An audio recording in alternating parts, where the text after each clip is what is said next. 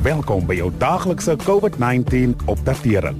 Veral die nuus en wiskundige antwoorde om ingelig te bly. Saam sal ons dit klop.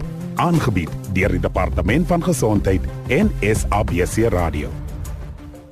Hierdie Woensdag was dit presies 'n maand sedit ons na vlak 1 van die nasionale inperking afbeweeg het.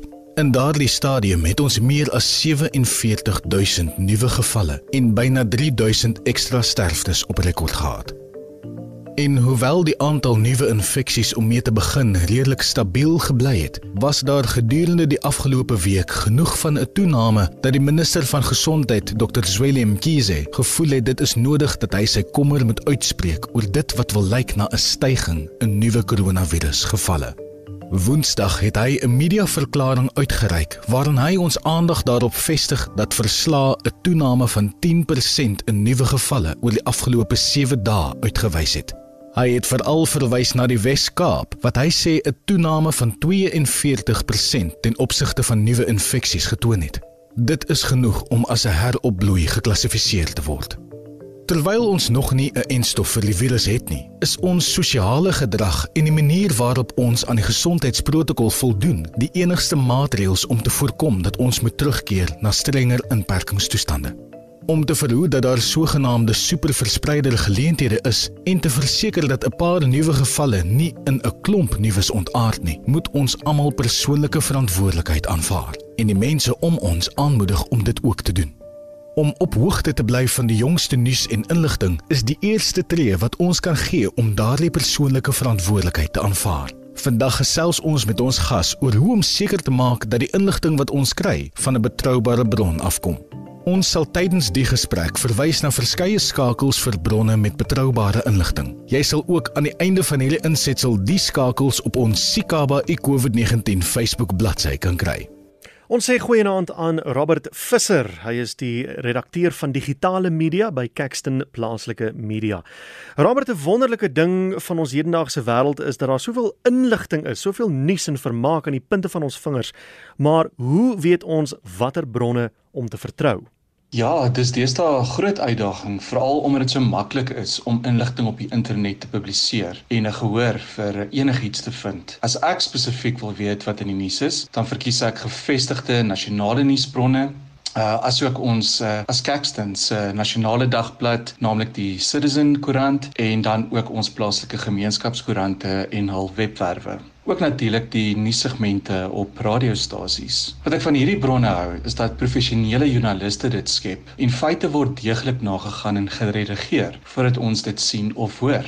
En uh, professionele joernaliste moet ook verantwoording doen aan liggame soos die Persombud en die Kommissie vir Uitsaai Klagtes. Wie se taak dit natuurlik is om nuusmedia dop te hou, om ware, billike en uh, gebalanseerde verslaggewing te verseker. Enigeen kan natuurlik 'n fout maak, maar ten minste moet ons moet diegene wat die etiese perskode onderskryf, enige foute wat hulle maak, uh, dan regstel.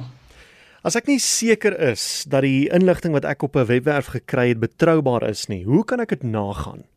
Daar is 'n hele paar dinge waarna jy kan kyk om seker te maak of 'n webwerf of nuusberig betroubaar is. So 'n paar punte wat ek kan uh, noem is dan uh, begin met die naam. Is dit 'n bekende publikasie en word die webadres en naam reg gespel? Uh, verskyn daar 'n joernalis se naam by die storie. Die meeste betroubare nuwe webwerwe sal vir jou sê wie die storie geskryf het. Dan klink dit soos 'n goed nagevorsde en gebalanseerde artikel of is dit sensasioneel? Uh, Veral daarop gemik om op jou gevoelens te speel. Uh, Veral jy weet rondom vrees en en woede. En dan uh, wees maar altyd skepties as mense vir jou foto van 'n nuusberig aanstuur uh, in plaas van die storie self of enigiets anders sonder die nodige agtergrond of selfs toepaslike skakels na gevestigde nuuswebwerwe uh, binne in die boodskappe wat vir jou gestuur word. Ja, dis 'n goeie beginpunt, maar wat van iets soos byvoorbeeld gesondheidsinligting?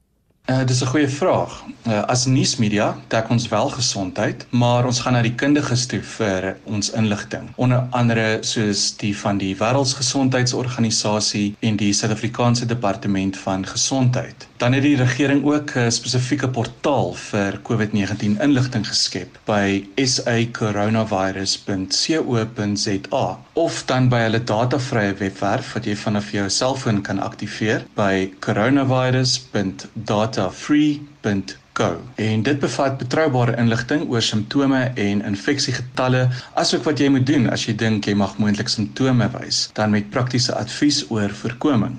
En soos ek dit verstaan, het die departement van gesondheid allerlei projekte wat op verskillende aspekte van gesondheid fokus. Vertel ons 'n bietjie meer hieroor.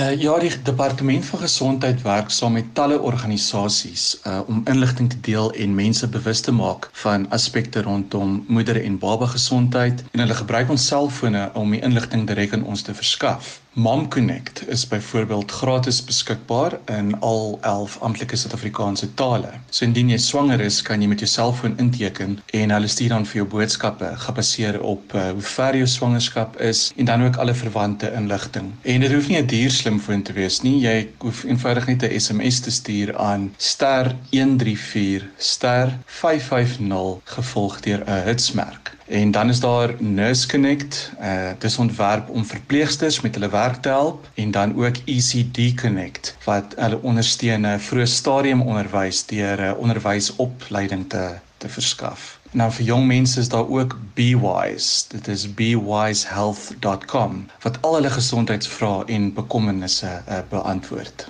En dit klink als baie goed. Dis daar so iets vir COVID ook. Ja, daar is. Jy kan inligting en advies op 'n toegewyde COVID WhatsApp applikasie kry. Stuur eenvoudig die woord hi na 0600123456. Dit is 'n maklike nommer, maar as jy dit weer later soek, kan jy dit kry by die sacoronavirus.co.za webwerf en dan sal al hierdie adresse en telefoonnommers ook beskikbaar gemaak word op die Sikaba e-COVID-19 Facebookblad. Baie dankie hier so gesels Robert Visser, redakteur van digitale media by Caxton Plaaslike Media. Dankie dat u geluister het na die daaglikse COVID-19 inligtingstuk aangebied deur die Departement van Gesondheid en SABC Radio in samewerking met die Solidariteitsfonds. Wees veilig, bly gesond. Saam sal ons dit klop. Suid-Afrika.